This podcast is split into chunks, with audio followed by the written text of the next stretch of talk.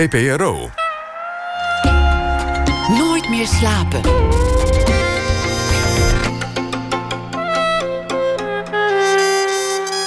Met Liesbeth Staats. Goedenacht en welkom bij Nooit meer slapen. Ze kunnen veel van me zeggen, maar niet dat ik weinig heb meegemaakt in mijn leven. En ik ben onderweg vaak neergegaan, maar ook steeds weer overeind gekomen. Met gevoel voor understatement vat Patty Bart haar turbulente leven samen in het boek Patty. De negen levens van Patty Bart, dat verscheen bij de gelegenheid van haar 65e verjaardag, vorige week.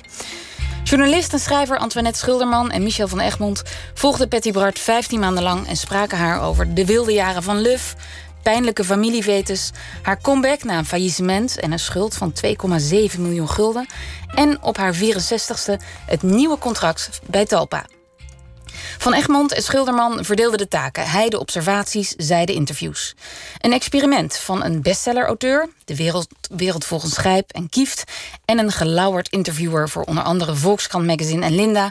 waar ze grote en persoonlijke interviews schrijft. Ook nog Radio 1-collega van Kunststof. Welkom, Antoinette. Dank je, Liesbeth. Het uh, boek ligt voor ons met een hele mooie glamorous foto van Patty Bart op de ja, kaft. Dikke gouden letters, Patty. En uh, beschrijf die foto eens. Uh, ja, dat, dat, ik vind dat een echte, echte typische showbiz glamour foto. Ja, met zo'n... Uh, goed decolleté. heel goed decolleté en zo'n hele brede lach met grote witte tanden. En ze ziet er gelikt uit, ja. En ik, ik, denk aan glamour en, en showbiz. Mm -hmm. En waarom past dit zo goed bij haar? Want... Nou ja, dat is al 40 jaar haar beroep. Uh, glamour en showbiz. Ja. En daar heeft ze natuurlijk ook wel dingen in gedaan... waar ze er niet zo gelikt uh, uitzag als hier. In real life soaps heb je er natuurlijk gewoon uh, op allerlei manieren gezien... met de wc-borstel, bad schrobbend op de knieën. Maar ja, dit is wel wie Patty is. Ze is natuurlijk een diva, glamour groot. We hadden ooit bedacht dat we de foto van Faye Dunaway de dag nadat ze de Oscars heeft ge gewonnen... die gemaakt is door haar man toen. Ik ben heel even zijn naam kwijt, fotograaf, heel beroemd. En dan zit ze zo langs het zwembad... Uh, en dan leunt ze achterover tussen de Oscars en allemaal tijdschriften... waar zij op de cover staat. Zo'n idee hadden we eerst ook nog met Patty. Maar ja, dan moesten we dus wel ergens heen... waar het heel mooi en warm ja. zou zijn aan een zwembad. Dat werd allemaal veel te kostbaar. Maar zo'n zo soort beeld van een diva... die die zeg maar tussen de prijzen zit of terugblikt op haar leven... dat idee wilden we eigenlijk wel een beetje Ja. vangen in de, in de omslag. En ze straalt op deze foto. Terwijl het boek ook gaat over de mindere periodes in haar leven, kun je Ja. zeggen. En ook de grote, nou ja, toch wat drama's die haar leven, persoonlijke leven kenmerken. Zeker.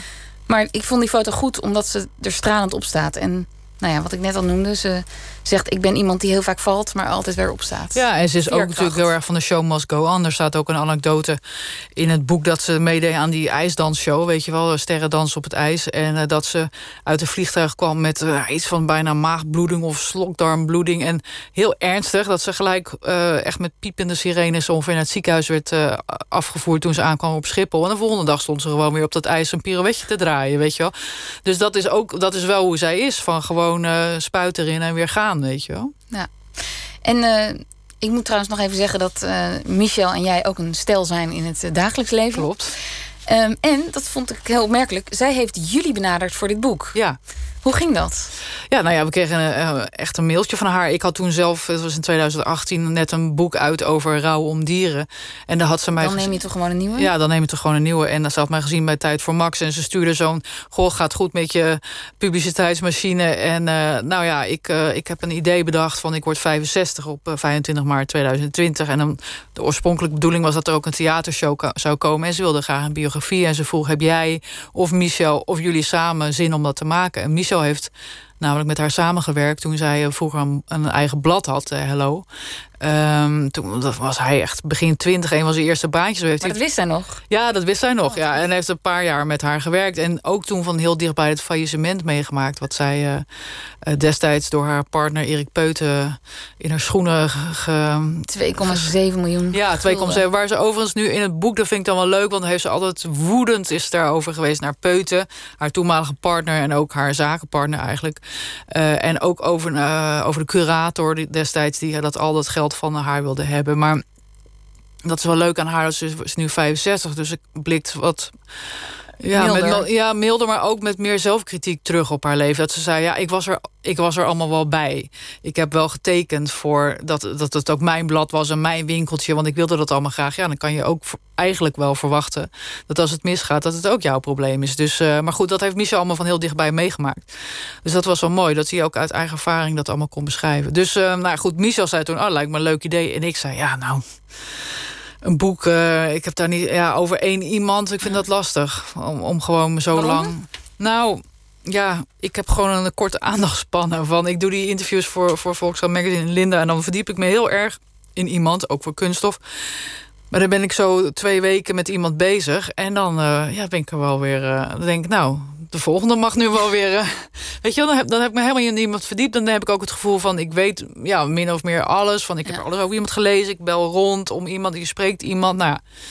Eh, en ik dacht wel van, ehm, nou, om echt ja, meer dan een jaar met één persoon eh, mee te lopen, dat lijkt mij lang. En Michel doet, doet dat natuurlijk al.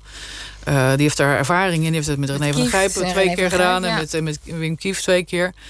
Ehm, nou, ik zei dat natuurlijk altijd van dichtbij bekeken. Maar ik dacht, nou, het lijkt mij niks. Maar zo samen leek me dat wel weer leuk. Om het ook wel een beetje, zeg maar, eh, aan zijn hand. Klinkt wel erg alsof ik eh, net begonnen Opgeleid ben. moest worden. Ja, Nee. maar weet je, het is wel leuk om het eh, van dichtbij te zien hoe hij dat zo'n boek in elkaar steken. Is toch echt heel anders dan een interview Ja. opschrijven. En kende jij haar van, voordat je Nou, begon? ik had er um, ja, natuurlijk wel. Ik, ik, heb veel, ik doe veel interviews in de mediawereld. Dus ik heb er één of twee keer echt uitgebreid geïnterviewd. En dat was altijd leuk. Ze zorgt natuurlijk voor goede teksten en lekkere verhalen en zo. Ja. Ze had toen destijds over, nou ja, dat faillissement is natuurlijk een verhaal, maar ze is ook hartstikke rijk geweest toen ze met, eh, met de vader van haar dochter getrouwd was, Carlo Nassi. En die, eh, dat ze met een gouden creditcard door eh, Turijn eh ja, dat zijn goede verhalen. Ja, voor, Voor drie ton, Voor toch? drie ton. Cashmere truitjes kocht op een middag. Ja. Ja, dat zijn altijd eh, verhalen waar je van smulters eh interviewen. Ja. En met interviewers, je zei net zelf, je duikt in iemands leven. En zeker als je iemand nog niet zo goed kent, dan word je altijd, tenminste, is mijn ervaring, enthousiast. Niet omdat het per se een leuk iemand is, maar je ontdekt dan iets aan iemand of je vindt iets opmerkelijk of grappig. Ehm, jullie zijn heel erg in haar gedoken en ook hebben haar gevolgd.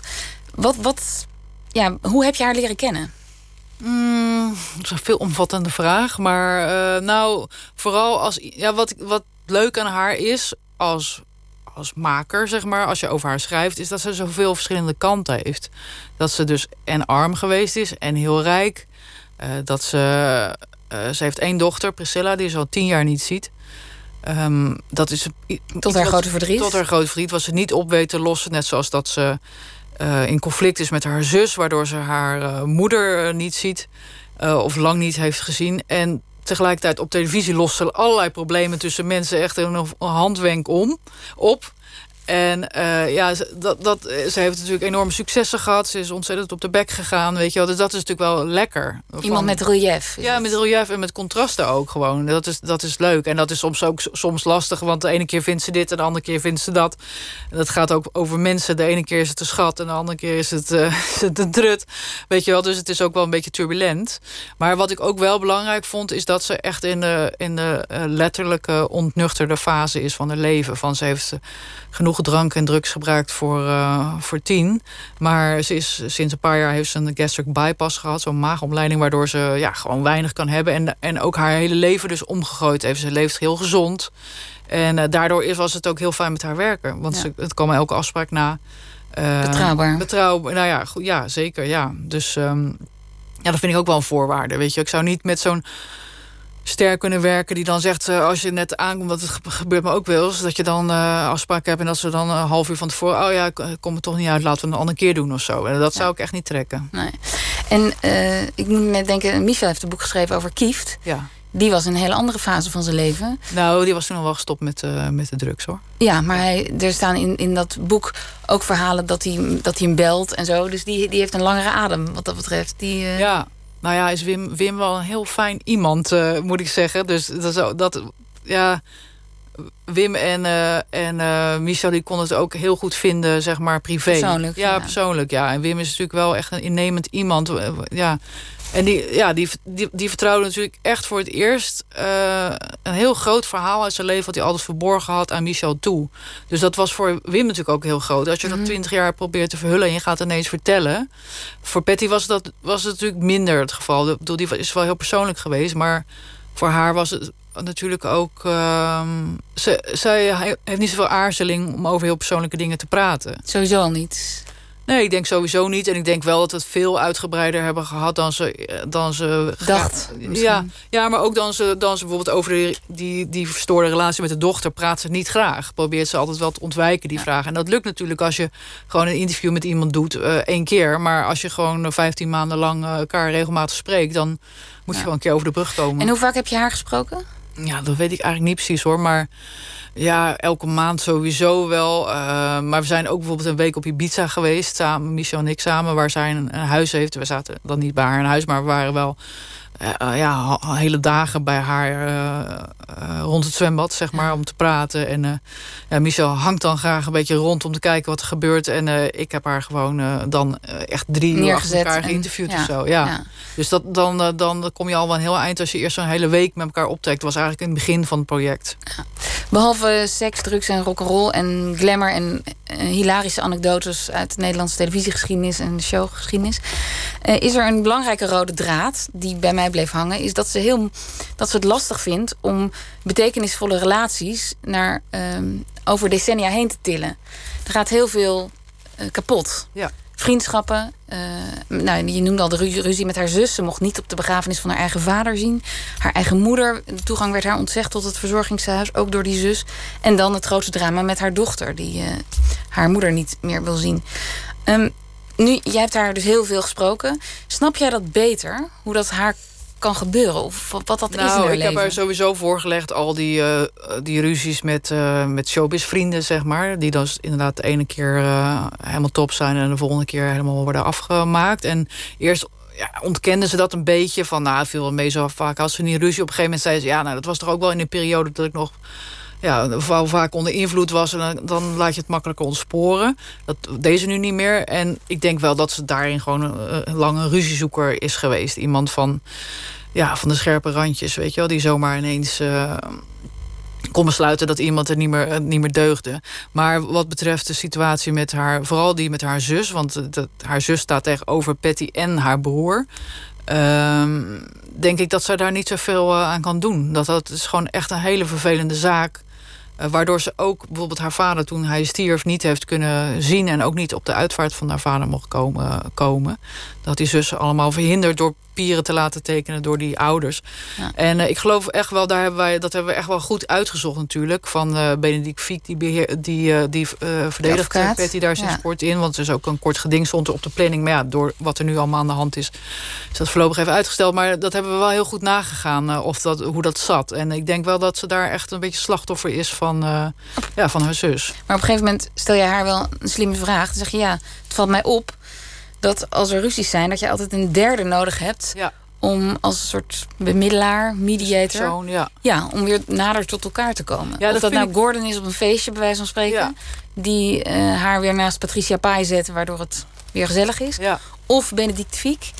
Of uh, de man van Evert Zantegoed. Uh, ja, die dan met haar dochter moet bemiddelen. Nee, dat klopt. Dat, dat vind ik heel apart. Ja. Dat ze dat heeft. Maar wat zegt dat? Ja, nou ja, dat zegt dat ze dus wel goed ruzie kan maken... maar ze niet goed op kan lossen, denk ik. Ja. ja. Ja, ik, vind dat, ik, ja ik, ik steek zelf niet zo in elkaar. Ik zou altijd iemand opbellen of... Ik zou daar juist niet iemand tussen willen hebben of zo. Want dat vertroebelt natuurlijk ook het, uh, het, directe contact. Maar uh, ja, nou ja, goed. Sommige dingen die ehm, soms, soms krijg je er ook geen antwoord op, maar zegt het al genoeg over iemand dat het zo is, denk ik. Weet je wel? Van ik heb wel bewust haar ook, dat hebben we ook in het begin met haar besproken. Van we willen niet ja, een biografie van oh, het is allemaal zo fantastisch geweest. Maar ik wil ook wel de moeilijke dingen met haar kunnen bespreken. Hoe kan je nou uh, tien jaar lang geen contact met je dochter hebben? Hoe kan het inderdaad dat, al, dat je zo vaak ruzies krijgt mm. en die eigenlijk zelf niet meer op weten te lossen? Dus ik heb er ook wel vervelende vragen voorgelegd. Ja, en daar geeft ze nou, ridderlijk antwoord op. Dat gaat ze niet uh, uit de weg. Nee, dat vond, ik, dat vond ik echt wel heel professioneel. En echt wel heel erg in haar te prijzen. Van, ze heeft geen één keer tegen mij gezegd... joh, hou eens op met je vervelende vraagjes. Het gaat je helemaal geen bal aan. Of dat wil ik niet in mijn boek hebben of zo. Weet je, dat, dat vond ik wel... Zij was echt het type van wie A zegt, moet ook B zeggen. Ja, ik las dat ze wel na afloop mocht zeggen... Uh, dit wil ik er niet in hebben of dit wil ik er uh, liever uh, anders geformuleerd zien. Nou, zeer beperkt mocht ze dat zeggen. We hadden gelijk vooraf gezegd van het is onze kijk op jou... Maar als echt dingen in staan waar je zegt, nou daar ben ik dood ongelukkig in, dat, mhm. is dat bespreekbaar. Uh, en, uh, en er was maar één dingetje wat voor ons eigenlijk helemaal geen halszaak was, waarvan ze zei van uh, ja, dat heb ik liever niet in. Dus dat hebben we eruit gehaald. Maar dat is het eigenlijk. En voor de rest vond ze het best lastig om sommige dingen te lezen, wel even slikken. Maar dat heeft ze wel gedaan. Ja. En op haar verzoek ook. Ze wilde dit. Ja, nee, daarom dat hadden wij natuurlijk ook van... Ja, je wilde dit toch graag en je wilde het met ons... je weet hoe we werken of hoe we, wat, hoe we schrijven. Dus ja, dan, dan weet je ook wat je kan Precies. krijgen. Ja. Um, je zei net al, we zijn, jullie zijn ook op Ibiza geweest met z'n tweeën in haar huis. En Michel zei erover, ja, wij werken zo anders. Antoinette ja. bereidt zich nou, weken voor... En gaat dan op twee koffie uh, naar, uh, in dit geval Patty toe. En die praat een paar uur en dan is het klaar. En ik moet heel lang een beetje daar rondscharrelen, wachten op dingen die nog gaan gebeuren. Ja. Soms een beetje om de hete brei uh, heen draaien. Ja. En dan schrok hij zelfs wat, van wat hij noemde ja, jouw plomp verloren vragen. Ja, wat bedoelt hij daarmee? Mijn Spaanse inquisitie noemt hij het altijd. Ja, nou ja, ik ben gewoon heel direct in mijn vragen. Ik vraag gewoon wat ik wil weten. En uh, ja, bedoel, ik heb ook haar naar haar seksleven geïnformeerd en zo. Ja, dat zou hij natuurlijk zou hij nooit doen.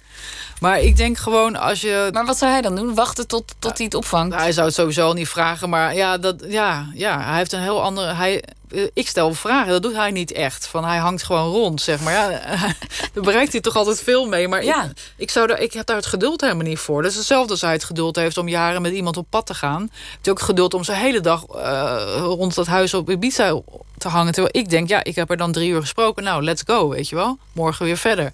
Maar zo werkt hij niet. Dus dat was wel... Ja, het was grappig, omdat voor het eerst... Had, bedoel, ik, we wisten wel dat we een heel andere manier van werken hadden. Maar voor het eerst bleek dat ook in de praktijk. En zat je elkaar eigenlijk een beetje mee in de weg soms. Weet je wel. Maar goed, het, ja, ik denk dat het daardoor ook dat, we, dat het boek geworden is. wat we allebei niet alleen hadden kunnen maken. Want we hebben elkaar wel heel erg aangevuld. Ook in de onderwerpkeuze. Ik heb natuurlijk ook wel rekening gehouden met een vrouwelijke lezer. Ik bedoel, er zijn geloof ik... Ik vraag wat ze allemaal heeft laten doen aan zichzelf en aan haar gezicht. Het zijn geloof ik vier, beslaat vier pagina's met allemaal behandelingen. En weet ik veel wat ze allemaal doet om uh, het merk Patty Bart uh, letterlijk overeind te houden. Ja, dat zou Michel misschien niet geïnteresseerd hebben. Net nee. als die gastric bypass. Ja, ik vind dat best wel interessant. Uh, je leven verandert daar totaal door. Ze ja. is 40 kilo afgevallen. Maar je moet daar ook een heel Spartaans leven leven bij leiden. Dus dat zijn ook wel dingen die hem misschien niet zo hadden geboeid. Maar hij, hij vindt mij heel, ja, heel direct. Ik ben ik ook. Maar ik denk wel, als, je, als mensen merken dat je heel goed voorbereid bent... dan kunnen ze ook meer van je hebben. Als, je, als ze merken dat het echt uit oprechte nieuwsgierigheid mm -hmm. komt. Zo. Niet per se uit sensatiezoekerij of zo. Nee, het is ook niet aanvallend. nee, het is niet aanvallend. En ik vond het bijvoorbeeld interessant, want zij is natuurlijk heel lang een soort sekssymbool geweest. Zo kennen we het natuurlijk nu niet meer echt zo. Maar ze heeft in Playboy gestaan, was gewoon echt een hele mooie vrouw natuurlijk. Ziet er nog steeds goed uit. Maar toen was ze echt, uh, voor heel veel mannen hing, hadden een poster van Petit ja. Bart uh, thuis hangen. En ja, ik had al zo'n idee, maar ik denk niet dat ze echt enorm van seks houdt of zo, weet je wel? Nee, dat zegt ze toch letterlijk Ja, ja dat vraag ik haar dus van, ja, ja klopt, ja, van je bent al wel zo playmate geweest, maar volgens mij hou je er helemaal niet van, weet je wel. En dat zei, toen zei ze ook, ja, nee, voor mij hoeft het helemaal niet. Nee, ik en, heb... en die vraag, hè? Ja? Je bent een playmate geweest, maar volgens mij hou je er eigenlijk niet van. Hoe, hoe kwam je daar achter? Hoe wist je dat? Of was dat een intuïtie? Ja, dat laatste denk ik. Ja, zij lijkt me helemaal geen seksueel type of zo. Ja, ze, zei, ze zegt natuurlijk wel heel op, ze, op zijn petties van... nou, ik heb geneukt voor, uh, voor tien. Voor tien. En Want dat hoorde er nou eenmaal bij, inderdaad. Van, uh, ja, je ging met elkaar uit en dan deed je het even. Maar dat was voor haar altijd wel zoiets van... nou ja, hebben we dat ook gehad? Ik vond het wel ontroerend. Ze zei nu, ja, ik vind het nu belangrijker dat Antoine, haar partner... Ja. een havermoutje voor me maakt. Ja, hij maakt hele lekkere havermout. Uh, en, uh, en hij kan de was heel goed... wassen heel goed draaien. Dat, dat, ja, dat vindt ze belangrijker. Ja, en hij is heel lief voor de hondjes. Dat hebben wij met eigen ogen gezien. Want ze heeft twee geweldig lieve hondjes, waar ik natuurlijk dan ook weer erg... Meteen verval? Bibi ja. Lulu. Ja, en uh, daar is hij al hartstikke lief voor. Nou, dat vindt zij belangrijker. Ja. Um, over het interviewen. Je hebt uh, De Luis gewonnen in 2009 voor je interview met Peter Jan Rens in de Nieuwe Revue. Waar we een hele andere Peter Jan Rens zagen dan de vrouwelijke kindervriend die we kenden. Ja. Um, interviewen is jouw specialiteit. En ook door dit boek, omdat er hier zo leuk de observaties en het interviewen afgewisseld worden, dacht ik, voor journalistiek hebben we regels. Hoor, wederhoor, eh, minimaal twee bronnen hebben, check je bronnen, et cetera. Nooit zomaar iets opschrijven. Interviewen is eigenlijk een beetje vogelvrij. Er zijn heel veel smaken, maar er zijn niet een soort etiketten Mm. voor interviewen. Nou ja, eh, op zich heb je ook wel hoor en wederhoor. Want ik bedoel, ten eerste stel ik de vraag aan degene over wie het gaat. En mogen ze tegenwoordig natuurlijk altijd lezen van tevoren. Ja, maar, dat, maar er zijn gradaties in. Want je kunt een interview terugsturen.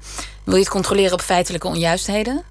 Of we kunnen overleggen over stukjes die jij niet zo prettig vindt. Ja, maar als je het stuurt met eh, we kunnen eh, alleen op feitelijke onjuistheden, dan krijg je er echt altijd wel bij wat ze nog verder er meer niet leuk aan vinden hoor. Ja. Dat is niet meer van eh, dat, dat zeg je natuurlijk altijd, maar dat is niet meer van deze tijd. Maar ik wil maar zeggen dat er een enorme ruimte zit tussen ehm, zeg maar wat je ervan vindt. Mhm. En eh, je hebt dit gezegd, dus dit gaan we publiceren. Hangt van het medium af. Ja. Ja, ja, nee, maar dat, het gebeurt gewoon nooit meer dat je. Je kan gewoon nooit meer tegen iemand zeggen. Ja, ja, maar je hebt dit zo gezegd, dus ik zet het erin. Zo dat, dat, dat, bestaat niet meer. Ja, je kan het wel doen, maar dan krijg je de volgende keer niemand meer te spreken.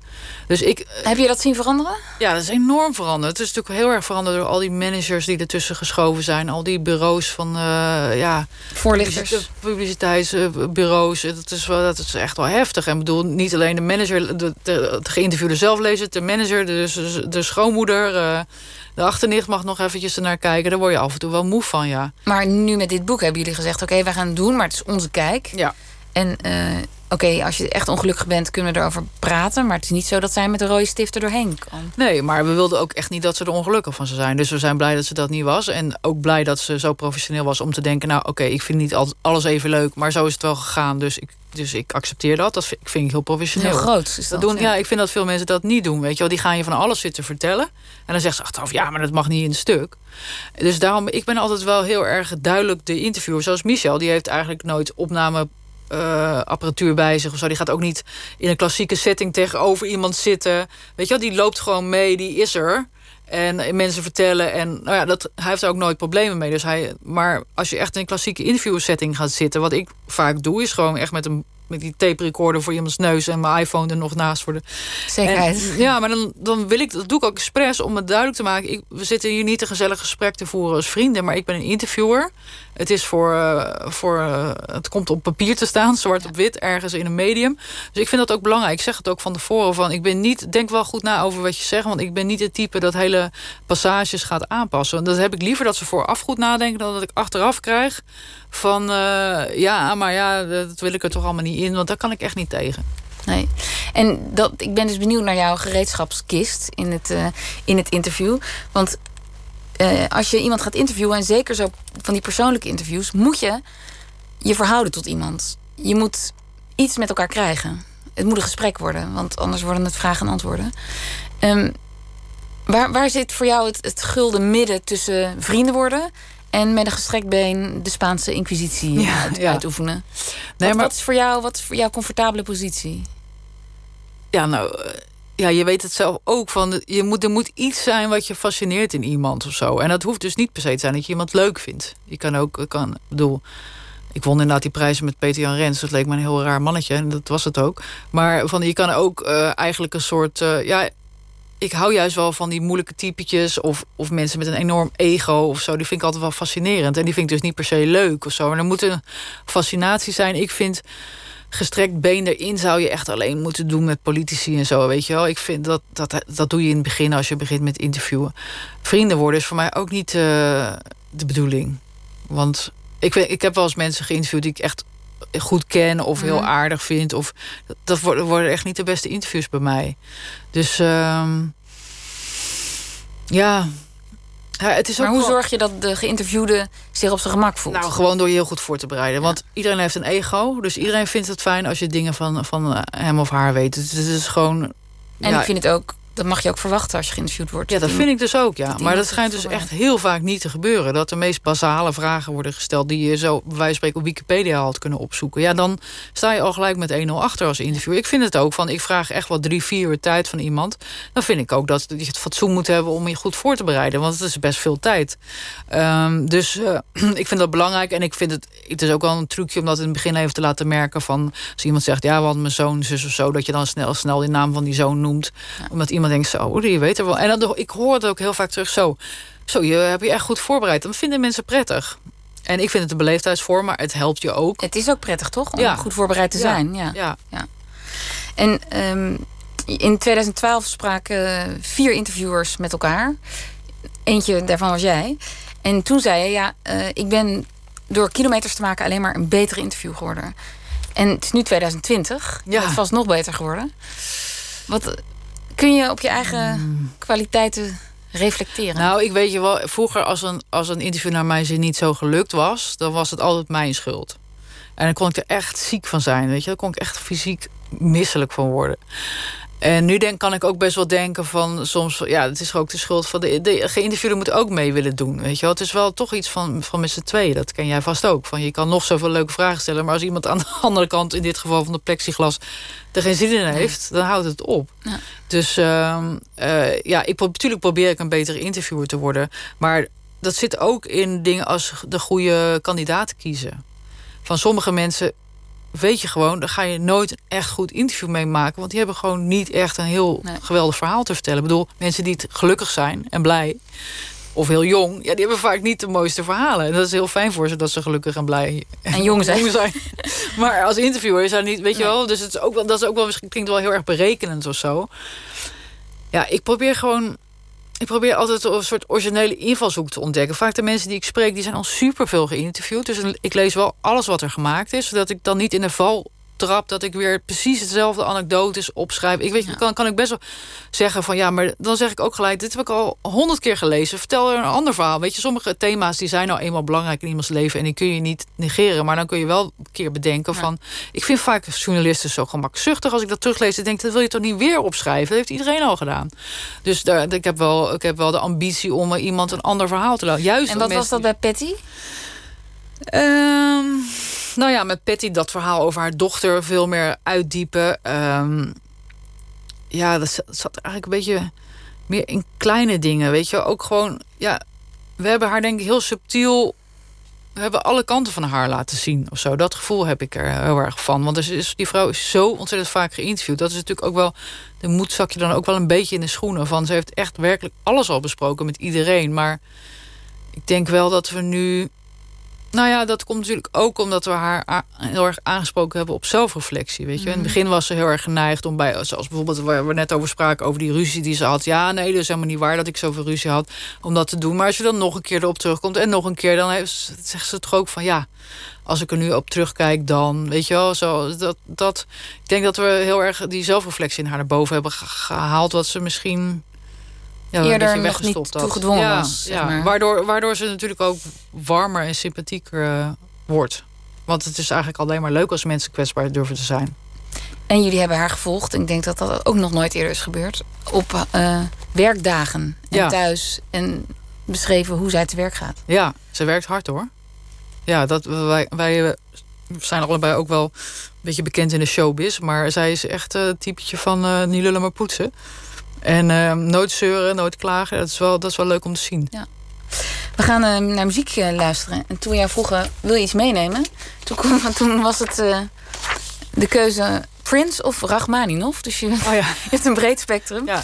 We hebben voor Prince gekozen. Um, If I Was Your Girlfriend. Look at the he's over here, ladies.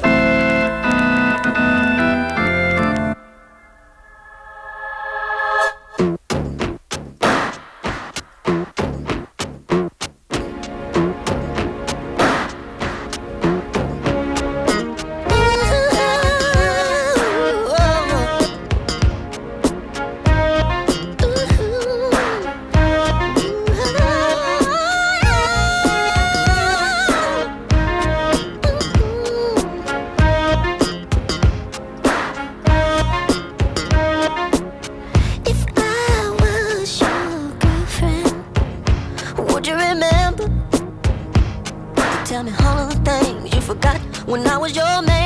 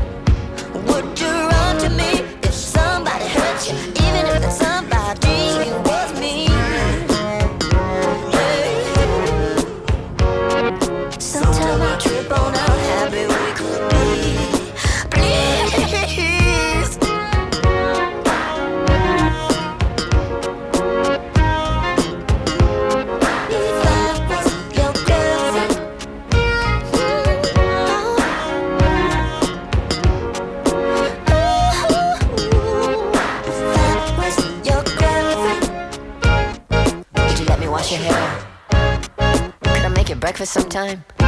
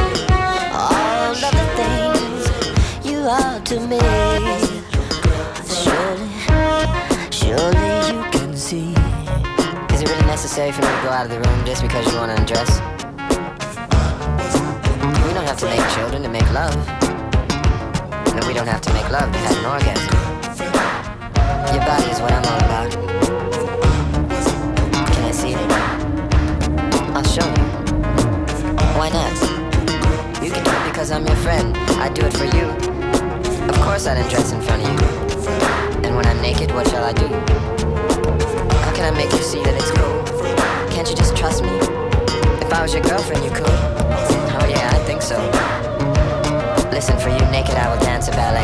Would that get you off? Tell me what will. If I was your girlfriend, would you tell me? Would you let me see you naked then? Would you let me give you a bath? Would you let me tickle you so hard you'd laugh and laugh? And would you, would you let me kiss you there? You know, down there where it counts. I'll do it so good, I swear I'll drink every ounce. Then I'd hold you tight and hold you long, and together we'll stare into silence. And we'll try to imagine what it looks like.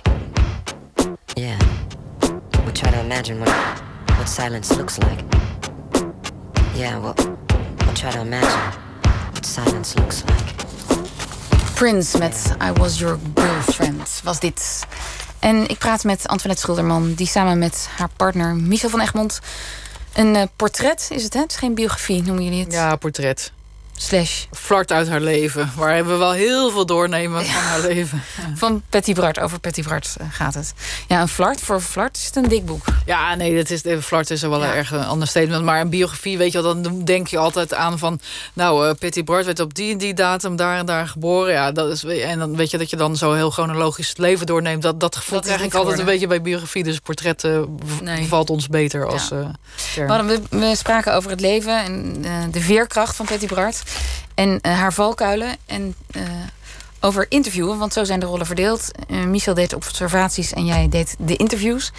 Ehm, om nog even bij dat interviewen te blijven. Het is altijd, tenminste zo heb ik het geleerd... dat je altijd op de achtergrond blijft en zorgt en faciliteert... dat het gesprek het beste gesprek wordt... wat op dat moment plaats kan vinden. Ehm, jij hebt ook een boek geschreven over het verlies van je hond, Bubbles. Dan eh, koop je toch gewoon een ne- of dan neem je toch gewoon ze gewoon een nieuwe, ja. ja, en eh, daarin gaf je jezelf ook heel erg bloot. Je onderzocht waarom jij zo intens verdriet had Mhm. over eh, de dood van je hond en hoe dat bij andere mensen zat en waarom daar nog zo'n taboe op is over verdriet om dieren. Ja. Ehm, beviel dat? Dat je jezelf naar de voorgrond moest Nou, ik vond dat echt even- doodeng. Ik heb dat echt nooit gewild. Want als je het nou je hebt over interview... je hebt natuurlijk ook interviewers die zichzelf wel heel erg op de voorgrond zetten. Weet je wel, van... Martin Siemek. Ja, bijvoorbeeld. Of vroeger, ik las vroeger in mijn boekkast van mijn moeder Bibeb.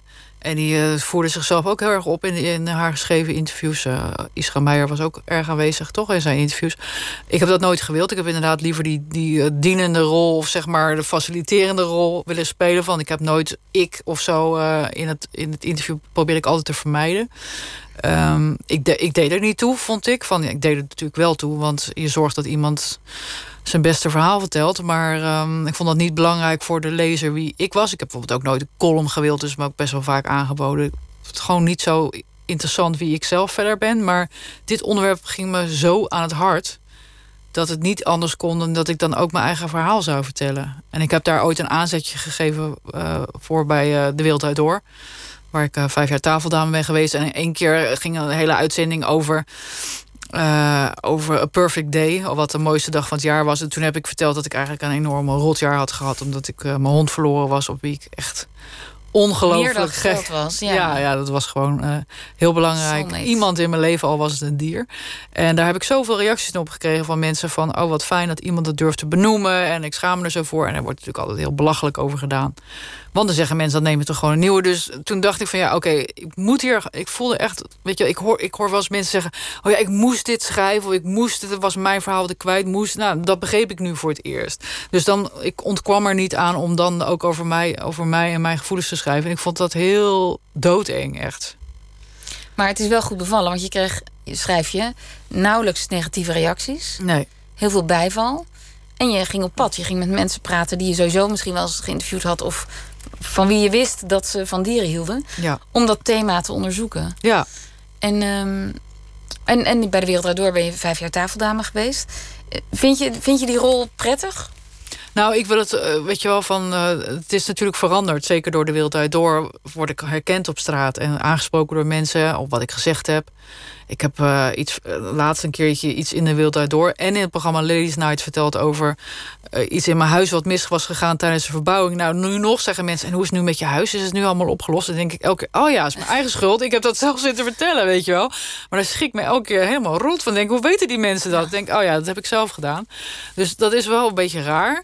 Eh, maar ja, weet je, dan, ja, dan moet je er ook niet gaan zitten. Maar ik, ik heb wel besloten van, het moet, weet je, ik heb wel een soort grens gesteld. Door de wereld uit door krijg je heel veel vragen voor andere tv-programma's. Wil je dit, wil je zus? En daar heb ik altijd wel allemaal nee te- tegen gezegd. Want ik vind schrijven het belangrijkste. En ik vind ook nog steeds dat een interviewer niet Weet je, dat daar niet te veel kleur aan moet zitten. Dat iemand eh, de Volkskrant Magazine openslaat op zaterdag... en zegt, oh, zij heeft het gedaan. Nou is dat wijf eh, Oh ja. die dit of Die dat... vond ik eh, vorige week dinsdag niet zo leuk bij de Wereld ja, ja, die had zo'n stom verhaal. Of ja, dat ze daardoor mijn interview niet meer neutraal kunnen lezen. Weet je wel, ze niet meer op de ge geïnterviewde letten, maar geërgerd raken al bij voorbaat door de interviewer.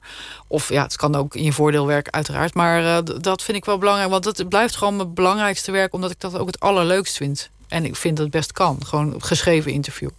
En, en dat gaat samen. Je bedoelt, dat bewaak je zodat je je vrij voelt om alles te schrijven wat je wil. Ja, nou, zonder- zodat ik niet te veel op de voorgrond. eh, Ja. Weet je, dat ik niet te belangrijk word in die interviews. Dat men, dat, dat niet in de weg gaat zitten. Dat, dat mensen me van tv kunnen kennen. Of Ja. inderdaad van mijn particuliere verhaal over een rouw om een dier. Toen, eh, toen je bij de Wereld Door zat, een van de laatste uitzendingen was dat. Toen vertelde je in het kader van eh, de coronamaatregelen. dat je ook eh, niet onbekend bent met het fenomeen smetvrees. Nee, zeker niet, eh Liesvet. Dat je met je pinpas het liefst de, de knopjes van het pinautomaat intoetst. Nou ja, die moeten in het pinautomaat, maar met mijn sleutels inderdaad. Oh ja. Ja, Ja, dat en samen. ja, nou, dat word ik dus nu voor het eerst niet meer gek op aangekeken. Want ik doe dat ook bij, als, als ik bij een supermarkt sta af te rekenen en ik moet pinnen, dan doe ik dat ook altijd, pak mijn sleutel. Nou, Dat deed ik- jij al. Altijd al. En keken mensen me altijd al aan van, is dat nou? Maar nu vind, zie ik mensen nog net niet knikken van, ja, ja, goed idee. Maar ja, ik deed dat allemaal al. Ik, Ja. ik, deed, ik raakte al geen, over, eh, als je wat oversteken, stoplicht aan met, met mijn vingers. Ik, ik pakte al nooit deur, deurklinken zomaar, deed ik altijd met mijn jas of met, met iets, met een En tasje. hoe, hoe gaat het dan als jij thuis komt? Ja, bij mij thuis is het heel netjes. Ja, pre-corona. Ja, nou ja, goed. eh, Dat heb ik ook beschreven in mijn... eh, Dat vond ik schaam me wel voor in mijn, in, mijn, in mijn dierenboek, zeg maar. Dat bij mij thuis inderdaad de schoenen uit, mensen hun schoenen uit moeten doen. Ja, ik ben verder echt enorm gasvrij. Je rolt de deur weer uit, want je wordt overladen met eten, drank, eh, noem maar op. Alles kan. Maar het enige wat ik vraag is, doe je schoenen uit. Ja, en nou, ik moet er wel om lachen, want een vriendin van mij zei vandaag... want die, die, die weigerde dat eigenlijk altijd, weet je wel. En dan nou, vooruit deze de schoenen uit... maar dan gingen ze ze dan, als ze weg ging pakken... en dan gingen ze, gingen ze dan in mijn woonkamer die schoenen weer aandoen. Dus ja, dan heeft het ook niet zoveel zin. Maar eh, vandaag zei ze... ja, wij doen tegenwoordig ook onze schoenen uit... want het is toch wel heel onhygiënisch. Ik zei, oh... Finally, weet je wel. heeft het al die jaren krijg ik, eh, krijg ik alsnog eh, bijval. Maar ik las in de L, notabene, dat eh, mensen die... nou, een lichte neiging of een gezonde neiging... jij mag het invullen. Ik heb een ongezonde hoor. Oké, Ja. tot smetvrees hebben. Dat die het nu juist moeilijk hebben, omdat zij eigenlijk altijd schoner en netter willen zijn dan de algemene norm. Ja. En nu zien ze opeens bevestigd dat die norm van hun dus oké is. Ja. Dus moeten zij weer een stapje verder. Oh ja, nou, dat heb ik niet. Nee, ik ben in die zin... dat is ongeveer het enige positieve... wat ik over deze hele coronacrisis kan eh, bedenken. Maar ben ik blij dat meer mensen eh, op mijn hygiëne-normen eh, Uitkomen. uitkomen. Ja, dat, ja, ik vind het gewoon ongelooflijk. Dat er was zo'n onderzoek toch... dat Nederland ongeveer onderaan stond in Europa... van, eh, eh, van je handen was na, na, nadat je naar een openbaar toilet was geweest. Meer, meer dan 60% deed dat nooit. Ja, dat snap ik ook Kom niet. Op, hé. Ja. ik kan dat gewoon niet geloven. Ik, kan, ik, kan, ik vind er niks viezers dan... Als ik in een vliegtuig ga zitten... Ja, ik zal echt nooit naar een vliegtuigtoilet gaan. Al knap ik helemaal in elkaar. Oh, dat doe je überhaupt niet? Nee, natuurlijk niet. Maar Weet je hoe smerig dat is? Ja, ja, maar... zeker. Maar Ja. ik, ga daar ook altijd met, met elleboog en dan doekjes op. Nou ja, laten we Ja, de vertel. details Nou ja, hier, jij, jij hebt het ook al, of niet? Ja, maar, maar nou, ik heb geen smetvrees. Nee. Maar dat vind ik inderdaad super Nou ja, ik heb geen, ik heb, kijk, ik heb geen smetvrees, want ik ben niet vies van de andere. Nou ja, nou, dat kan ik niet helemaal zeggen. Maar ik bedoel, ik ben niet zo als, als mijn vriend bij me binnenkomt... dat hij eerst met de glorixdoekjes wordt afgenomen of zo. Nee. Maar ik, ik ben gewoon, ik, ik ben gesteld op hygiëne, laat ik het zo zeggen. Ik, ik douche ook drie, vier keer per dag en zo, dat vind ik lekker. Vier keer per dag? Ja, als het even kan. Ja, ik werk vanuit huis, dus ja, daar heb ik wel tijd voor. Ja, Dat vind ik lekker.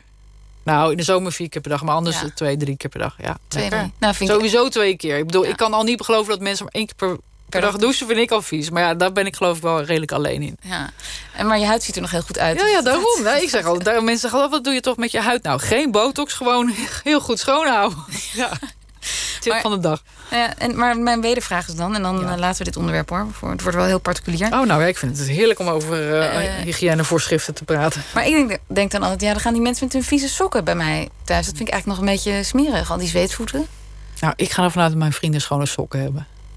Ja, oké, maar dan, ja, ja. Ja, oké. Ja, maar jij hebt ook kinderen, hè, Lisbeth? Ja. Ja, nou ja, maar goed, ik denk Die dat zijn sowieso heel smerig, kinderen. Ja, dat, dat Dat is zijn wandelende bacillen. Ja, die zitten overal eh, aan en zo. ja, dus ik denk dat je dan je normen al moet aanpassen. Kijk, wat dat betreft, ik leef natuurlijk gewoon helemaal in mijn eigen steriele omgeving. Ik kan het allemaal zelf bepalen. Ik heb die, nou ja, goed, het grappige is natuurlijk dat mijn hond mag alles. Mijn hond mag gewoon met vieze poten naar En in binnen. bed, hè? Die ligt in bed Ja. tegen me aan met die Terwijl vieze... dat voor mensen het ultieme... Ja, dat vinden heel veel is, mensen super goor. Ja. Dus, eh, dus dat is natuurlijk een beetje het, eh, het vreemde aan het verhaal. Dat realiseer ik me ook. Maar eh, van, ja, ik, kan, ik kan het ook allemaal in stand houden omdat ik alleen woon. Snap je? Dus Ja. ik kan me voorstellen als je kinderen hebt. koninkrijk heb je. Ja, ja.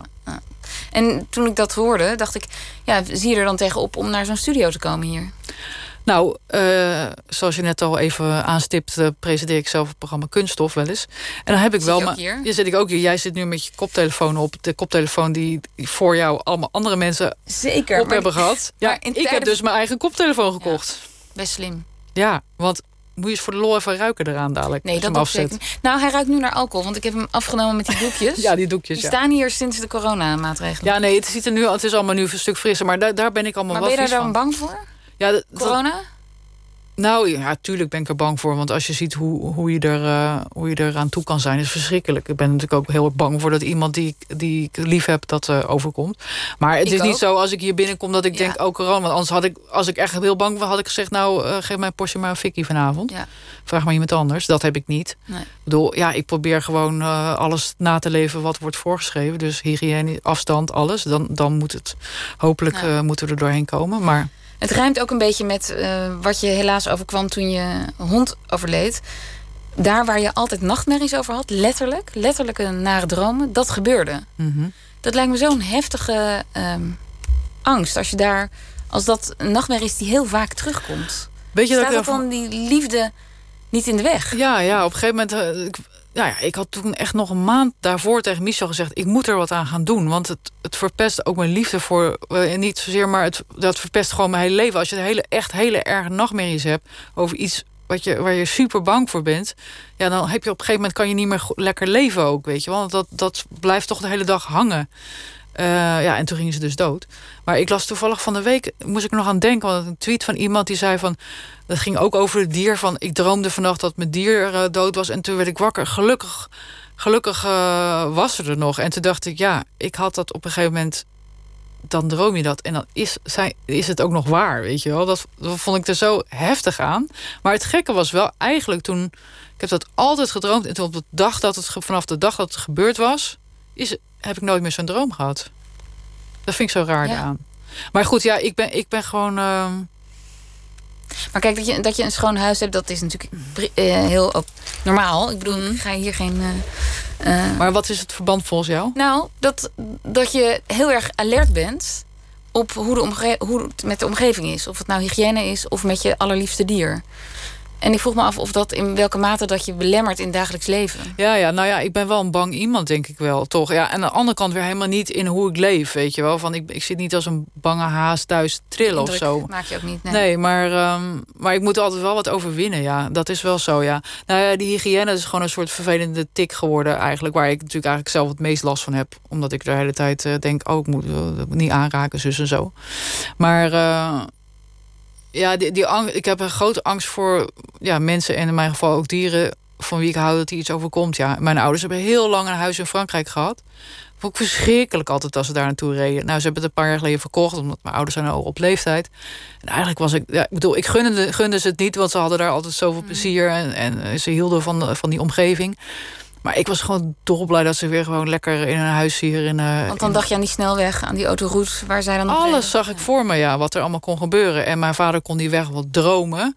En mijn moeder ook. Maar toch dacht ik, ja, juist dan nou, zal je zien dat er wat gebeurt. En dat, ik heb met Michel, als hij op vakantie gaat met zijn met met zijn kinderen... Mhm. Of, of hij moet op een werkreis. Ja, ik, ik ben altijd dolblij als ze Ja. weer thuis zijn. En, en heb je dat altijd gehad? Ja.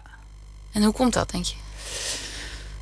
Ja, ik weet het niet zo goed. Wij hebben vroeger, ik heb vroeger ook veel ge, ja, nu je het vraagt, heb ik eigenlijk er ook nooit over nagedacht. Maar we hebben vroeger ook veel gaan reizen met mijn ouders. Want ik heb toen jong was veel in het buitenland gewoond. En, maar er is nooit echt iets, eh, er is nooit iets ergens voorgevallen of zo. Maar ik heb altijd heel krampachtigheid gehad over ja, mensen van wie ik hou. Dat ik dat eh, heel. Ja, mijn zusje woont bijvoorbeeld in Engeland met haar dochter. Ja, vind ik ook gewoon ja, onoverzichtelijk of zo. Ja, dat heb ik dan al wel een beetje. Dat doet al zo lang dat ik dat een soort van. Je hebt de roedel letterlijk het liefst bij elkaar. Ja, eigenlijk wel. Ja, allemaal in hun eigen gouden kooitje. Ja. Nou ja, dat, ja, dat- is waarom ik ook een, zo fijn vind om een hond, eh, hond te hebben. Die heb je gewoon letterlijk aan de lijn, weet je wel. ja. Heerlijk. Ja, dat zou ik liefst. Zou iedereen een leuk gouden to- goudje omdoen. Wordt wel heel druk om je heen. Ja, dat is waar. Maar jullie hebben ook in Nigeria gewoond. Ja. Dat is niet echt een veilig land. Totaal niet. En jullie woonden, vertelde je aan mijn collega, een, op een compound. Ja, Zo'n beschermde omgeving Ja. voor expats. dat moest ook echt. Ja, want dat is, dat is heel gevaarlijk. En, maar je voelde daar wel als kind een soort dreiging van buiten. Zeker. Ja, dat was Kan het gevaarlijk zijn? En Ja. jullie zijn zelfs een keer gegijzeld op school. Ja, ja, dat is iets dat waar. verhaal? Nou ja, iets waar ik dan als kind eigenlijk helemaal niet eh, bewust van was. Maar mijn vader was daar, eh, zeg maar, de baas. En die. eh, ja, het was daar gewoon een ontzettend dreigende sfeer. Er is ook een keer een collega die, die van die compound afging, zelf onbeschermd. Die is ook gelijk eh, eh, vermoord. Dus eh, het was daar gewoon eng. En ik weet dat mijn vader. Weet je wel, ik was, ik was zeg maar een jaar of tien toen we daar woonden. We hebben een paar jaar gewoond. En ja, mijn vader moest dat natuurlijk allemaal managen. En dat Wat deed hij trouwens? hij is waterbouwkundige, of was waterbouwkundige. En eh, ehm, er moest daar van alles, alle projecten worden gebouwd, bruggen, et cetera. En eh, hij besprak dat uiteraard niet met, eh, met zijn kinderen. Maar ehm, ik voelde dat natuurlijk wel, die spanning. We hadden ook heel vaak de koffers gepakt staan in huis. Weet je wel? Van dat we elk moment weg zouden kunnen als, het echt, eh, als de sfeer echt. Ja, dat vind ik nogal concreet eigenlijk. ja, dat was ook, wel- ja, dat was ook wel concreet. Ehm, en ik ben daar dus ook enorm van gaan stotteren. Gewoon die angst die eigenlijk op mijn stem is, is geslagen. Dus toen ik in Nederland kwam, moest ik echt naar een logo logopedist om. Uh, daarom vind ik het ook zo grappig dat ik nu een radioprogramma presenteer. Want ik weet nog wel. Je hoort niks. Dat nou ja, ik, ik, heb er, nou, ik heb er nog. Ja, ik heb er soms nog wel last van. Als ik echt spanning heb, denk, dan ben ik weer bang dat ik ga stotteren. Zoals ik vroeger oh op een gegeven moment toen in Nederland weer op school kwam. En dan moest voorlezen, vooral de eerste woorden de en het kon ik echt niet uitspreken. En dan had ik ook zo'n leraar Nederlands die daar dan helemaal niet in mee wilde gaan. Dus die dan, dan sloeg ik dat eerste woord over. Want je wilt als kind natuurlijk niet voor paal staan dat je gaat stotteren.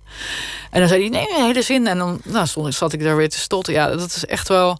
Ja, ik, kan, ik krijg nog steeds altijd heel benauwd als ik andere stotteraars op televisie zie. Want ik denk ook vaak van, ja, ik heb ook heel intensief logopedie gehad. Ik ben er ook afgekomen voor een heel groot deel. Ja, waarom doen jullie dat niet of zo? Ja, ik krijg het altijd heel benauwd van andere stotteraars... omdat ik dat gevoel me dan weer overvalt van de soort schaamte... en ook de angst die er dus achter zat.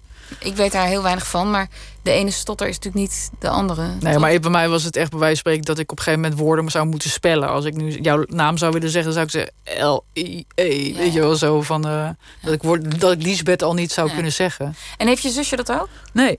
Die was wel vier jaar jonger dan ik. Dus dat scheelt denk ik wel. Die heeft wel minder bewust dat meegemaakt, die uh, tijd daar. Ja. Maar goed, dus eigenlijk...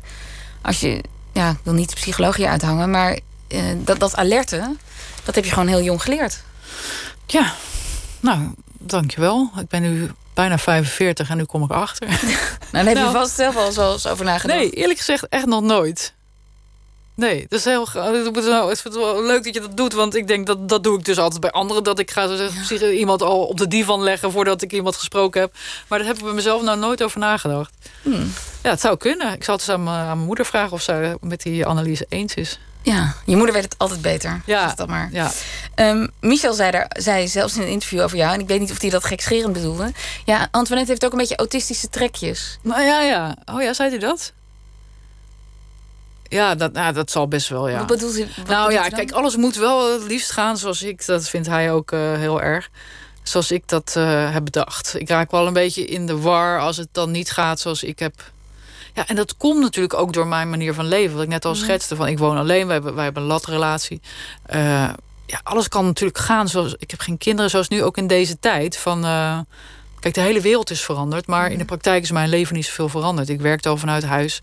Ehm, je belde en skypte al veel? Ja, zo, ja. en uh, weet je, maar ja, ik, ik heb niet ineens kinderen die ik moet homeschoolen en mijn partner zit niet ineens de hele dag op mijn lip. Dus um, alles gaat natuurlijk precies. Ik kan mijn leven vrij goed indelen. En dat vind ik dan wel weer bijzonder aan wat we nu allemaal, ons allemaal overkomt. Van je, ja, je ziet maar van, ik bedoel, ik ben iemand van het plannen. Ik wil graag heel graag van tevoren alles in kaart brengen hoe het moet gaan. Dat kan dus helemaal niet. Dat zien we nu maar weer. Weet je wel, dat is ook wel totale overschatting van ons. Van ons de maakbaarheid. Ja, van onze macht. Maar um, ja, dus autist komt voort uit het feit dat het ook altijd ongeveer kan gaan zoals ik het bedacht heb. Dus dan raak ik wel een beetje in de war als dat dan anders is. En Michel is een heel makkelijk, vrij iemand, weet je wel. Die helemaal, die leeft totaal anders dan ik. En uh, ja. Het goed zeg dat jullie elkaar. Ja, dat is wel heel leuk. Ja, ik denk ook soms, oh god, hoe moet ik hiermee omgaan? Maar het, het is heel verfrissend voor mij ook. En ik, als ik nog, als ik met zo'n krampachtig iemand zou zijn als ik zelf was, was het natuurlijk een hele ongezellige boel geworden. Ja, dus hij, hij trekt je er ook een beetje uit. Ja, en ik vind ook wel heel. Hij, hij beweegt ook soms wel een beetje mee. Ondanks dat hij het allemaal totale onzin vindt, denkt hij, nou ja, goed, als hij er blij van wordt, dat vind ik ook wel heel. Dat is echt de liefde. de liefde, toch? Ja, ja precies. En uh, dit uh, project was het eerste van jullie samen. Ja. Smaakt dat naar meer? Nou, eigenlijk wel ja, mensen vragen soms met een hele moeilijke frons van... oh, hoe was dat nou om dat samen te doen? Ik zeg, nou, elke keer zeg ik, ja, we zijn nog steeds samen. Dus uh, ja, weet je wel, het is uh, het goed bevallen. Uh, ja, ik vond het eigenlijk wel heel leuk om te doen. Ja, ook omdat we gewoon, wat we allebei het leukst vinden om te doen... en het best kunnen, dat we dat, dat elkaar dat erg aanvulden. Ik vond het leuk om te zien hoe hij dat doet, zo'n heel boek. Want hij heeft echt wel de constructie van het boek... en de opbouw is van hem. En, en hoe doet hij dat? Werkt hij met post-its op een muur. Nou ja, dat, dat, eh, daar hadden we het nog over. Want als je bijvoorbeeld een roman zou schrijven, zo kan je dat doen. Maar dit heeft, hier heb je natuurlijk met iemand van vlees en bloed te maken als hoofdpersoon. Die natuurlijk, waar, waar het allemaal anders gaat. In het begin zou de rode draad van het boek zou haar theatertour zijn. Die ze zou beginnen op haar 65 verjaardag. De hele theatertour is niet door, doorgegaan. Dus ze moest ook een andere rode draad. Ja, want waarom ging die theatertour niet door? Ja, nou ja, omdat ze toch ruzie met mensen kregen. Ja. ja, dus, uh, maar goed, ik denk dat het voor haar wel goed is om dat niet erbij. Uh, geen idee hoe ze dat er nog bij had moeten doen, eerlijk gezegd. Maar, uh, maar ze, ze baalde er wel van. Ze zag het wel echt zitten. Maar, het liep stuk. Ja, dat liep helemaal stuk. Backhand, hè? Zo, ja, met Tel Ja, dat is allemaal een beetje on, on, ongemakkelijk gelopen. Um, maar. Um, wat ging er over? Oh ja, dat, dat, nou ja, die samenwerking die beviel, ja. Dat was gewoon heel, heel fijn. Dat we, maar we konden ook wel we hebben ook heel veel apart gewerkt. We hebben niet de hele tijd samen achter de computer gezeten. Maar uh, het was prettig. Dus het, ik denk dat... Uh, nou ja, als er nog een keer zich een goed hoofdpersoon aandient... dat we dat nog wel een keer zouden kunnen doen. Nou, je had al iemand genoemd, geloof ik. Oh ja? Linda de Mol? Ja, ja, die Linda de Mol. Ja, die had ik het tegen Gijs Groenteman genoemd, ja. Ja, nou goed. Ik, ik weet niet of Linda zit echt niet te wachten, denk ik, dat wij samen in haar leven gaan. Maar ik vind Linda wel een heel fascinerend iemand, ja. Maar toen ik dat hoorde, dacht ik, maar is dat niet te dichtbij? Want je schrijft voor haar bladen, ja, je kent haar, je komt bij haar, thuis. Nou ja, ik ken haar ook wel persoonlijk inderdaad, maar niet zo persoonlijk dat ik bedoel, zit niet elke vrijdagavond daar aan een bolnoot of zo.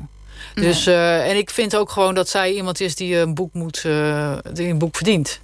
Want zij is gewoon heel belangrijk iemand in de tv-wereld geweest. Maar kun, je, kun je dat eh, schrijven of mensen interviewen die je een beetje of een beetje beter kent?